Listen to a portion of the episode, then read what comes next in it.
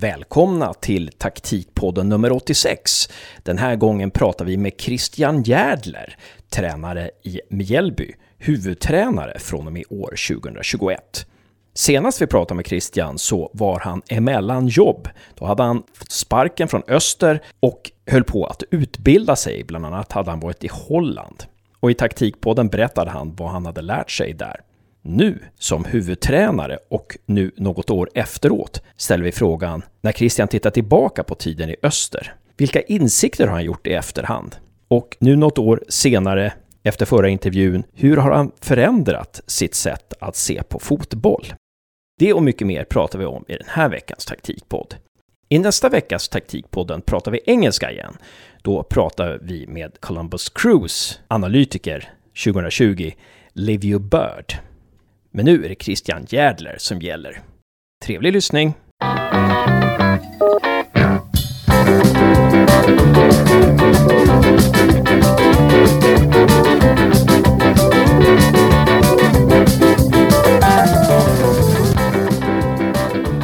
Välkommen tillbaka till Taktikpodden, Christian Järdler. Stort tack för det. En stor ära för oss att ha dig med som gäst igen.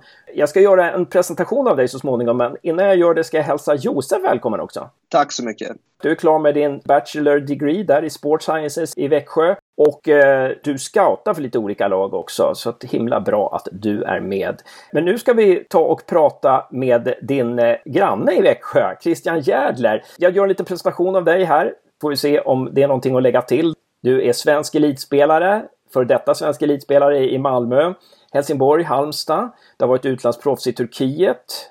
Du har varit tränare, huvudtränare i Ängelholm, Värnamo och Öster. Och du har varit assisterande tränare i Mjällby och nu från och med år är du huvudtränare i Mjällby. Och du har också U21-landskamper på din meritlista. Det ska vi inte glömma bort. Är det någonting du vill lägga till där? Någonting som Wikipedia inte berättar om dig? Nej, det, det kändes eh, fotbollsmässigt ganska eh, heltäckande så jag, jag är nöjd med det. Ja, bra, bra. När vi pratade senast, då var du emellan jobb. Då förkovrade du dig och du hade varit bland annat ner till eh, Utrecht tror jag, i Holland eh, och eh, lärt dig lite grejer. Och mycket har ju hänt sedan dess då och eh, vi ska försöka, försöka sätta fingret på det. Med distans till jobbet i öster då, har du hunnit utvärdera vad det var som gick fel där? Ja, det börjar bli ett, ett tag sedan nu. Eh, men det har jag verkligen lagt eh, oerhört mycket, mycket tankekraft och, och timmar på. Det var ju min första stora riktiga motgång som, eh, som kom där i min karriär. Så att, eh, det, det tog eh, ett, ett, eh, ett ganska rejält tag innan jag kände att jag var jag var nöjd där. Så att det, det, har jag gjort. Sen vet man ju aldrig ändå om de förändringarna som jag känner nu i efterhand att jag borde ha gjort det om de faktiskt hade hjälpt eller inte. Det, det får man ju aldrig svaret på. Men men jag har kommit på ett par konkreta grejer som jag känner att idag att, hade, att jag borde gjort annorlunda då helt enkelt. Vill du dela med dig av de konkreta sakerna du kom fram till? Ja, men absolut. Eh, en del som, som är ganska tydlig för mig är att jag, jag borde ha bytt eh, formation. Jag, jag värderade då eh, att behålla det sättet vi spelade på för att jag tyckte att matchbilderna var, var, var på det sättet att vi borde ha vunnit fler matcher. Jag fick stöd i statistiken som visade att vi borde gjort både mer mål och tagit fler, fler poäng. Och jag trodde på att, att behålla det in, inarbetade arbetssättet skulle vara det bästa. Eh, I efterhand tror jag att jag skulle ha bytt i alla fall formation. Inte kanske så mycket de metoderna vi använde oss av, men, men bytt formation för att trigga fram ett annat beslutsfattande hos spelarna och, och lämna över lite större ansvar på dem i, i den processen som var då. Eh, det är en tydlig del för mig. En annan är att jag kanske i vissa lägen skulle ha valt andra spelare. Jag kände själv att jag påverkades lite i min, min syn på varje spelare, eller på en del spelare i laget i alla fall, av den, den eh, relationen man får med dem när man har dem varje dag i träning, man jobbar med dem hela veckan. Att man, man uppskattar den, den lojaliteten eh, som finns och den, den lyhördheten och viljan att prestera, viljan att bli bättre och vilja göra det som jag som tränare ber dem om. Och det, det ser jag i efterhand att det kanske gav mig en, en lite för uppskattande syn på vissa spelare, tappa lite objektivitet i den i den bedömningen. För att när jag såg en, sen i efterhand såg vissa Östermatcher och tittade på vissa spelare när jag inte längre var ansvarig för deras prestation så kände jag kanske att ja, där, där skulle jag ha gjort något, något byte. Så att, eh, ja, det var väl två, två punkter jag kommit fram till. När du pratar om formation då, vilken formation vad hade du kunnat välja för formation för att lämna över mer ansvar till spelarna? Hur, hur kan, kan vi definiera lite mer där? Eller?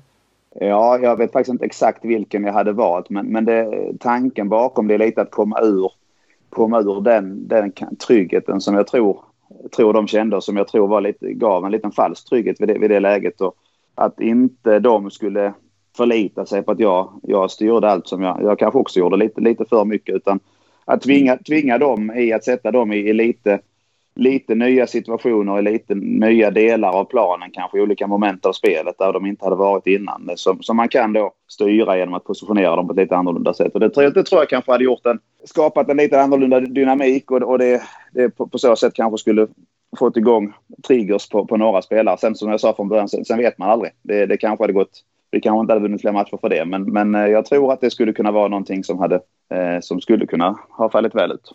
Det måste vara otroligt svårt det där att veta, liksom, ska jag köra på den här vägen nu? Eller hur länge ska jag hålla ut det här? Hur mycket ska jag tro på min idé? Liksom? Hur länge kan jag kan låta min idé bära innan jag får omvärdera?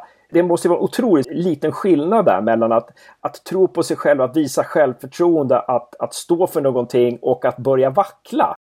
Ja, men så, så är det. Och jag, under den perioden som det gick tungt för oss så ringde jag runt till, till ganska många tränare med, med, betydligt större erfarenhet och större meriter än jag själv var för att, för att söka lite tips och, och lite råd i, hos dem som hade varit i tyngre perioder innan. Och det är det som du säger, det, det, det, är en, det är en väldigt svårt beslut att ta. Det, det är svårt att känna tajmingen när och, och man, man, man, sitter där och, och, vänder och vrider på vilket man tror skulle vara bäst. Och, och eh, precis som du säger så, så vill man nog som ledare inte hamna i en i en situation där spelarna börjar känna att, att tränaren inte är riktigt säker på, på vad han gör och att man själv vacklar lite i, i sitt sätt att agera. Och där ville jag hellre vara beslutsam och, och tydlig och, och, veta vad jag ville. Och, eh, sen eh, troligtvis då eftersom inte, jag inte fick den vändningen som jag eftersökte så, så drev jag det för långt.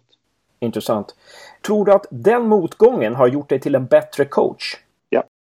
Det, det, det, är ju, det är ju motgång, man lär sig mycket. Det, det är motgång som man, som man tvingas, tvingas värdera några extra varv och man tvingas vända och vrida på saker och man testar sig själv och man, man blir prövad av en, av en längre, längre motgång. Och det, det, det, är jag helt säker på att man utvecklas av. Jag har fått med mig saker i mitt, både mitt ledarskap i förhållande till, till spelare och i förhållande till klubbledning som, som jag har, har, har mycket nytta av idag. Vi, vi, kommer in lite på din utveckling mer. Jag, ska bara, jag kom på en sak när du säger det här med att jag kanske skulle tagit ut andra spelare. Elisabeth Gunnarsdottir, när hon var i en kris i Kristianstad där, som hade 6, 7, 8 raka förluster eller någonting. Bara tänkte hon, nu tar jag ut min startelva enbart på statistik. och då, när hon gjorde det, för att, för att liksom slippa det här att gå på känsla och gå på eh, liksom subjektivitet och då börjar de vinna igen. Eh, är det någon tanke som har slagit dig någon gång? Inte så eh, fullt ut att, att, bara gå den vägen. Men statistik är någonting som jag väger in i idag som vi har med oss i dels analysen av, av våra spelade matcher och i feedbacken till våra spelare. Så att den, den, den, finns med där. Men jag har aldrig gått så långt att jag har, jag har gått så, så moneyball-aktigt att vi bara har plockat ut spelare på siffror. Det, det har jag inte gjort. Nej. Men jag kommer in på en, ännu en följdfråga på det här, att, apropå det här med att lita på sitt eget omdöme. Eh, vad gör du idag för att liksom motverka det här med att jag menar, det är vissa spelare, det är vissa personer i livet som man tycker mer om än andra och man blir lite medberoende på något vis och, och, kanske, och kanske fattar fel beslut bara för att man tycker om den som människa fast den inte kanske är bra på, på just det den ska göra. Alltså, vad gör du för att vaccinera dig lite mot, mot den där att, att ta ut felaktig startelva och, och så? Man får väl träna sig i det att, att vara så objektiv man, man bara kan, tror jag i den fasen. Sen, sen vill jag ju ha ett ledarskap där spelarna känner att jag, jag är ganska nära dem och jag bryr mig om dem och det tycker jag är viktigt för den, den ledaren som jag vill vara den delen när vi pratar om, om laguttagning, vi pratar om, om att kunna se på spelarna vad det faktiskt blir för, för effekt på laget eller för effekt på resultatet av den spelaren på plan så, så tror jag att, att dels att siffrorna kan vara, kan vara en hjälp. Framförallt för min del så har jag kanske blivit bättre. Jag tror vi kommer in på det senare också med, med det här att jag har varit assisterande ett Men att blivit bättre på att i, i mitt tränarteam ta in fler, eh, fler eh, synpunkter och, och fler, fler eh, vinklar i, i hur, hur de andra ser på spelarna och, och kanske värdera eh, det mer än jag gjorde tidigare. Vilka lärdomar tog du nu som assisterande tränare bakom Marcus Lantz eh, som du kommer att ha nytta av nu som huvudtränare? Mm. Eh, för, för att börja rätt ända så, så var jag ju väldigt intresserad av det jobbet som assisterande tränare i, i Mjällby inför, inför förra året. Då, just av, eller framförallt av anledningen att jag, jag ville vara i den positionen. Eh, jag hade en tydlig, tydlig idé av att, att det är huvudtränare jag kanske allra helst vill vara och, och, att jag skulle bli det igen. Men för att, för att utveckla mig själv där och utveckla mitt ledarskap i förhållande till mina, till mina assisterande tränare då längre fram så, eh, så tog jag den rollen. Jag lärde mig, lärde mig eh, ett par par bra saker av, av att vara där. Eh, en sak är ju att det, det, kan vara ganska tacksamt att inte ha eh, helikopterperspektivet eh, hela tiden. Det får man ha en, en del ändå, men, men inte hela tiden. Utan man kan vara lite mer djupgående i de mer specifika arbetsuppgifter man har. Eh, man får lov att lägga lite mer tid på vissa uppgifter där man, där man kanske inte har den möjligheten annars. Det blir lättare att förstå behoven hos en assisterande tränare för att känna att man är, man, att man är delaktig, att känna att man bidrar och känna att man, man, man är, är, viktig. Det har jag, har jag nytta av absolut nu, nu igen när jag har blivit bättre på att, bättre på att delegera och bättre på att uh, få, få med hela teamet i, i, i så många beslut som, som det är möjligt när du var assisterande då Christian så insåg du då att det är bra att inte hela tiden ha helikopterperspektivet. Betyder det då att din assisterande, vem är assisterande till dig i år förresten? Jag har Alf Westerberg som assisterande till mig och så har jag Juan Robledo eh, som också var med på halvtid i, i, i, under förra året men nu är, är hos oss på, på heltid. Vilka klipper! Wow! Absolut. Vilket, Absolut. vilket team alltså! Eh, men alltså just det här som du säger att det kan vara välgörande att inte som huvudtränare att inte ha helikopterperspektivet hela tiden. Kan det betyda att du lämnar över då det här helikopterseendet till Juan och Alf ibland för att liksom grotta ner i något, något annat perspektiv eller? Eh, ja, jag menade, menade nog mest att, att eh, just att kunna lägga full energi på vissa, vissa specifika uppgifter. Att den, den möjligheten är större när man är assisterande där man inte har, har det, det totala på det, på det sättet. Men, men eh, som svar på den frågan du, du har nu så så, så eh, absolut, i, i, vissa delar i, i, träning och så, så, så tar vi olika roller där, där någon är, är, betydligt mer drivande än någon annan och då kan man gå ifrån en liten bit och man kan till och med gå upp på läktaren ibland och, och få en annan, annan bild av det även på träning. Så det, på det sättet arbetar vi ju med det konkret i, i träning och, och, och, kring match. och Så här. Men, men om vi ändå tar helikopterperspektivet kring, kring hela verksamheten och, och det vi sysslar med i veckorna och, och hur hur vi, vi, planerar och vi arbetar och så. Det, det, det får väl ändå säga att till, till stora delar är eh, i mitt huvudansvar. Jag förstår. Vilka principer utgick du ifrån i Värnamo Öster då, som du har övergett respektive utvecklat i Mjällby? Intressant fråga och eh, spännande faktiskt att, att tänka tillbaks på egentligen. För att man, man påverkas ju såklart mycket av den miljön man är i. Eh, vilket man, jag absolut påstår att man, man i de allra flesta fall behöver göra. Att man behöver anpassa sig lite till, till den miljö man kommer till och, och, och eh, finna den kulturen och finna de, de styrkorna och de framgångsfaktorerna som har varit just i den, den klubben man, man är. Så att där har jag ju ändrat ett, ett, eh, ett sätt att se på, på vissa delar. Eh, och kanske inte just specifikt för att jag inte tror på, på, på de delarna längre utan just för att det, det passar inte riktigt in i, eh, i Mjällby eller skulle inte vara, vara eh, på det sättet som, som jag tycker Mjällby har, har styrkor att, att utföra andra delar på. Så jag hade väl fler, eh, en, en större offensiv balans i, i mitt lag än till exempel i Värnamo än jag, jag har nu.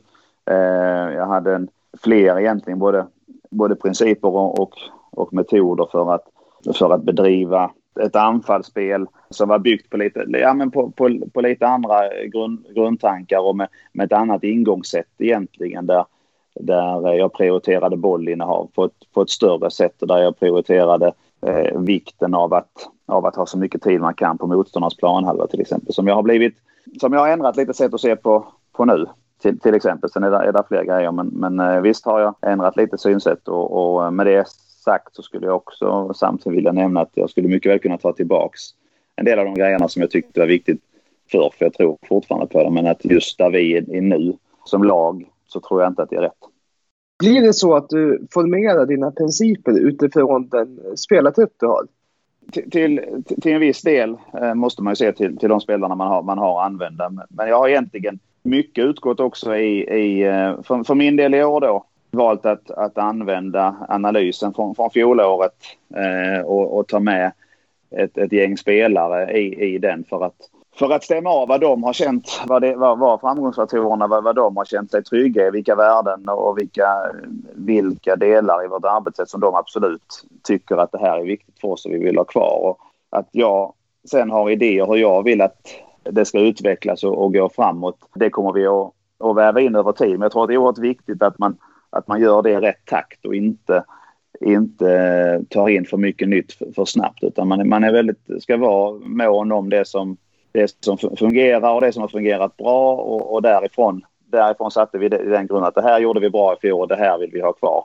Eh, det här gjorde vi bra i fjol men vi inser också att det måste vi göra bättre om vi ska få samma resultat. Och tredjedelen av det här, här, det här de här bitarna var vi, inte, var vi inte tillräckligt bra i, de måste vi verkligen utveckla. Så det, är väl, det är väl de tre stegen egentligen, de tre delarna som jag har, som jag har varit noga med att försöka få ihop till en, till en helhet som jag känner att här kan vi, här kan vi vara och jobba just nu och hit vill vi man kanske kan tänka sig att om Mjällby spelade i superettan i år så kanske ditt spel, din spelstil skulle ligga närmare Värnamo Östers. Eh, att då skulle du kanske prioritera bollinnehav lite mer, eller?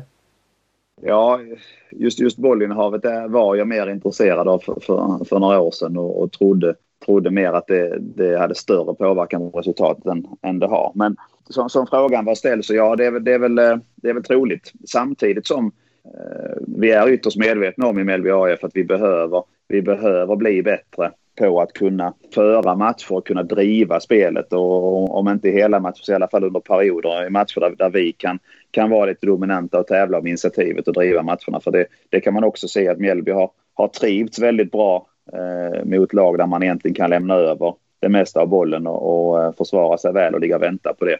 Eh, men vi tog färre poäng mot dem lagen som vi kanske på förhand, framförallt på hemmaplan egentligen, bör, bör kunna, kunna slå. Eh, om vi tittar på, tittar på fjolåret så förlorar vi både mot eh, Falkenberg hemma och vi förlorade mot Varberg hemma och vi, vi vann visserligen mot HF som också åkte ur men det var med 3-2 i 93 så att vi, vi, vi behöver utveckla den delen av, av eh, vårt spel att kunna bli bättre i den typen av matcher.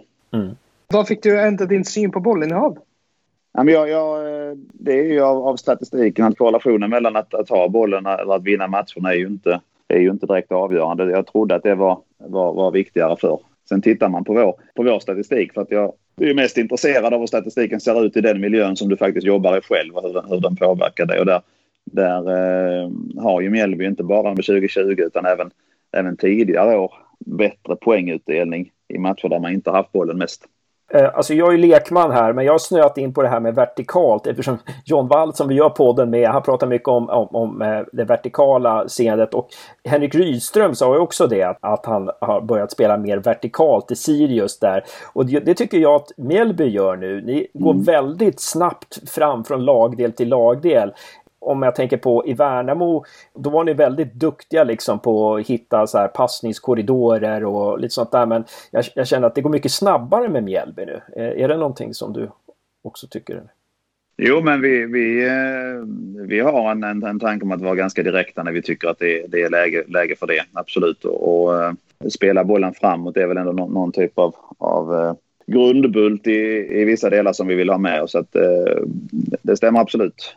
Sen har vi, vi varit väldigt noga med att, att uh, mäta vårt, vårt bollinnehav och mä, mäta vår, vårt, uh, vårt anfallsspel, vad det, vad det faktiskt mynnar ut i, vad det faktiskt landar. Att, uh, av, av hur, hur många procent av, av våra anfall slutar med en passning in i sista tredjedelen och slutar med en passning in bakom motståndarens backlinje eller, eller hur många anfall eh, når straffområdet. Det, det är vi ganska intresserade av, eller mycket intresserade av, vad vi gör med, vad vi gör med bollen. Om vi sen har den 57 procent eller 47 procent, det, det spelar inte så stor roll. Men, men vad händer när vi har den? Hur tar vi oss fram och hur, hur stor del av, av det vi, vi gör att gör, gör att vi kan skapa målchanser utifrån det. Hur många passningar vi slår i sidled på egen halva, det, det, den siffran tittar vi inte jättemycket på. Det är ju helt korkat ibland. Alltså, ibland är det alltså spelare som lyfts fram för att de har jättehög passningsprocent. Men de slår ju inga passningar framåt. De slår inga passningar som bryter genom linjen utan de bara står och slår den i sidled. Är det något koncept du har sett utomlands när du var på studiebesök eh, när du höll på att förkoda dig? Som du implementerat nu när du blivit headcoach igen? Eh, där, där, tror jag framför, framför allt att vi har Eh, Eh, det vi har gjort i Mjällby AIF i år är att vi har, vi har verkligen eh, i, i samråd med, med klubbledning och med spelare försökt att, att göra verksamheten betydligt mer elitmässig och betydligt mer professionell än, än den har varit innan. Och det är inte konstigt. Mjällby spelade i division 1 2016 och 17 och vann superettan 19. Så det har gått oerhört snabbt för klubben att gå från en division 1-klubb till att bli en allsvensk klubb. Och då, då, är det klart att man inte har riktigt hängt med i, i utvecklingen. Att fotbollslaget har blivit bättre lite för snabbt eh, i förhållande till, till, klubben. Så där har vi, där har vi lagt mycket tid och, och Mjällby lagt eh, ganska mycket pengar i att professionalisera verksamheten. Va? Och där, just i den delen har jag ju har jag med mig mycket om hur, hur väl, välorganiserat och välfungerande vardagen var eh, när jag var i Holland till exempel. Där jag tycker att de eh, sättet som, som, de, som de använde tiden på under dagarna med sina spelare och, och hur det var uppbyggt med allt från, från mor morgon eh, när spelarna kom in med, med frukost och besök hos, hos sjukgymnasterna och aktiveringar och, eh, och förberedelser till, till eh, tiden när man kan ha genomgångar och, och att ha spelarna på plats och sen äta tillsammans. Allt det, det har inte Mjällby haft tidigare utan även, även i fjol så, så tränade vi ju på eftermiddagarna och, och kom in en timme innan och gick hem en, en halvtimme efter. Men, men nu är ju spelarna på Strandvallen från, från kvart i nio till, till fyra, halv fem på dagarna. Så att där har vi ju närmat oss övriga Sverige som det ser ut i de flesta andra elitklubbar i Sverige. Men så har inte Mjällby haft innan. Så där har vi tagit väldigt stora kliv som förening och det tror jag ju är helt avgörande för att Mjällby ska ha möjligheten att, att fortsätta kunna spela i Allsvenskan och kunna ta fram egna spelare. Att man, man har den strukturen på, på verksamheten som vi, som vi börjar ha nu. Mm. Är det något ännu mer konkret som ni har gjort för att professionalisera verksamheten? Ja, vi har, vi har, eh, har ett helt annat, ett annat GPS-system eh, idag till exempel än vi hade för att, för att mäta all, alla, alla fysiska data vi kan få. Vi har en heltidsanställd eh, fysio som har koll på dem nu. Det hade vi inte heller, varken systemet eller heltidsanställningen i fjol.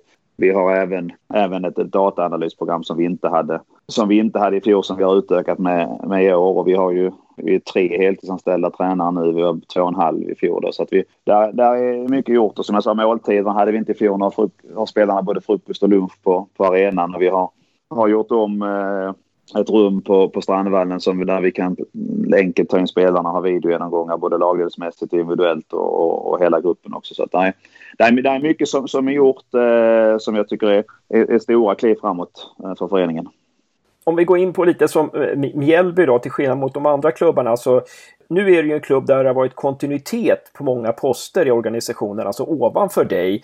Om man jämför med Ängelholm, Värnamo, Öster, inbillar jag mig i alla fall, så var du ganska mycket spindelnät. Du, du hade ansvar för ganska mycket. Men nu, nu är det ju, eh, sportchefen har varit där eh, en, en ganska lång tid. Och så här. Vad betyder det för dig att, att, att det är kontinuitet på posterna ovanför dig? det betyder en otrolig stabilitet för, för föreningen. Eh, Magnus som är ordförande har, har suttit där sedan 2015 tror jag, många, många år nu otroligt duktig. Hasse Larsson har, har varit i Mjällby eh, från och till och mestadels till eh, sedan 70-talet och är ju en, en, en vandrande legend på Listerlandet som, som gör en otrolig, otrolig nytta för Mjällby AIF för att Mjällby har ett Mjällbyhjärta som är som är fantastiskt stort. Så det, det, finns, det finns må, många duktiga personer och jag vet ju inte hur länge de andra som sitter i styrelsen har, har varit där men jag tror också att det finns där är en kontinuitet på, på hela styrelsesidan också. Så att eh, Mjällby känns, känns tryggt och, och eh, välfungerande och, och inarbetat och, och där är en, där är en eh, Ja, men där, där är en känsla av trygghet på, på hela Strandvallen när man är där och, och eh, det, det, är duktiga människor på, dukt, på, på viktiga positioner och det, det fungerar väldigt bra. Betyder det att, att du känner att, att, det är, det är inte så, att det är lite mindre börda på dina axlar då? Alltså det är ju tufft att vara huvudtränare men att det är lite mindre börda på dina axlar då jämfört med tidigare klubbar eller? I Öster hade jag ju rollen som, som manager vilket innebär att det där fanns ju ingen sportchef. Och det, det, är ju en, det är ju en oerhört krävande roll. Att du både har har huvudtränaransvaret och ska träna laget varje dag och eh, coacha alla matcher och göra allt som huvudtränare gör. Men samtidigt ska du också, också vara den som, som svarar agenterna och den som ansvarar för scoutingen och den som förhandlar avtalen och, har, har det ekonomiska kring, kring det samtidigt som man då gör allt annat. Så det, det är en kräv, krävande roll. och Det är naturligtvis på, på det sättet är arbetsbördan ju, eh, är det en del timmar som försvinner här i Mjällby för att Hasse tar de, de delarna. Sen, Sen är det ju att vara huvudtränare i allsvenskan. Det är, det är ett tidskrävande arbete ändå. Ja, verkligen. Det förstår jag. Det förstår jag. Om vi kommer in på truppen nu då. Alltså, Ni har ju tappat Agardius till Norrköping, Sabovic gått utomlands, Moses Obo gått utomlands, Batanere gått till Ibiza tror jag. Det är också utomlands i och för sig. Men hur påverkar det spelstilen? Alltså, nu vill, ni, vill ni ha in liknande spelartyper som dem eller kan man tänka sig att ni ändrar spelstilen beroende på vilka spelare som kommer in?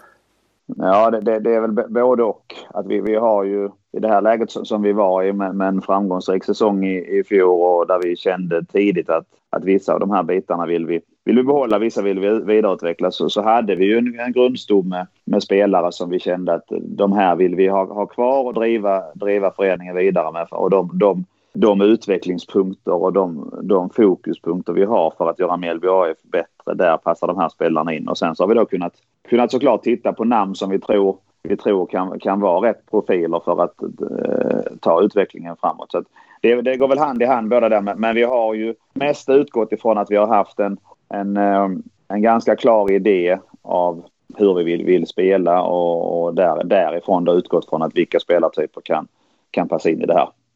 Mm. Har ni satt truppen än eller är det liksom sista spelarna kommit in eller? Ja, troligtvis eh, skulle jag säga det när eh, Ivan blev... Eh, han landade faktiskt i... Han landade på Kastrup visserligen. Han kom med tåg till Sölvesborg idag. Okej. Okay. Eh, och det är ju... Om det inte händer någonting oväntat så, så var det i detta fönster nu sista spelaren in. Så att det, det... Som sagt, det händer inget oväntat så har vi det. Tack, intressant att höra. Josef, ska du ta sista frågan? Yes, det kan jag göra. Om det fanns en tidsmaskin och vi kunde gå tillbaka. Vanligtvis brukar vi köra tio år, men eftersom att du bara har varit huvudtränare på seniornivå sedan 2015 så ändrar vi till fem år i tiden. Så om du kunde gå tillbaka fem år i tiden och ge dig själv en kunskap som du har nu, som du inte hade då. Vad hade det varit? Ja, det här borde jag ju kunnat ha räknat ut för det har jag hört att ni har frågat de flesta andra som har varit med på den. Eh, och jag vet, jag kanske har fått den kanske fick den förra gången jag själv var med. Det, det, det har jag glömt. Vi hade, inte bör, vi hade inte börjat med den då faktiskt. Nej, det hade inte börjat med den. Nej, det var inte konstigt. Men jag borde ändå ha förberett det som jag lyssnar på podden. Eh, jag, jag, tror totalt sett de, dels att jag, att jag ins, inser att man, eller att jag ska jag säga, eh, har, har hela tiden mycket kvar att lära. Att man, man hela tiden ska vara, ska vara nyfiken på när jag inte tror att, att man är färdig på, på något sätt eller tror att man är, man, man är nära det som är perfekt. Utan det, det, det kommer man nog aldrig att vara. Utan he, hela tiden vara öppen för, för, för nya saker. Eh, där jag kanske trodde när jag började att eh, så här vill jag spela, det vill jag alltid göra. Utan så, så är det verkligen inte, det förändras hela tiden. Så att, öppenheten för, för det tror jag är, är, eh, är nyckeln där jag känner att det kommer jag alltid att, att vara nu eh, öppen för att, för att, för att lära mig nytt och vara nyfiken och försöka li, ligga så mycket man kan i, i, i framkant och, och, och se nya, nya delar och, och förkovra sig hela tiden. Tack så väldigt mycket Christian Gärder. Otroligt intressant att prata med dig som vanligt. Stort lycka till med allt du företar dig eh, framöver nu. Var så lite. Kul att vara med och eh, tack själva. Bra jobbat Josef. Tack så mycket Hasse och tack så mycket Christian.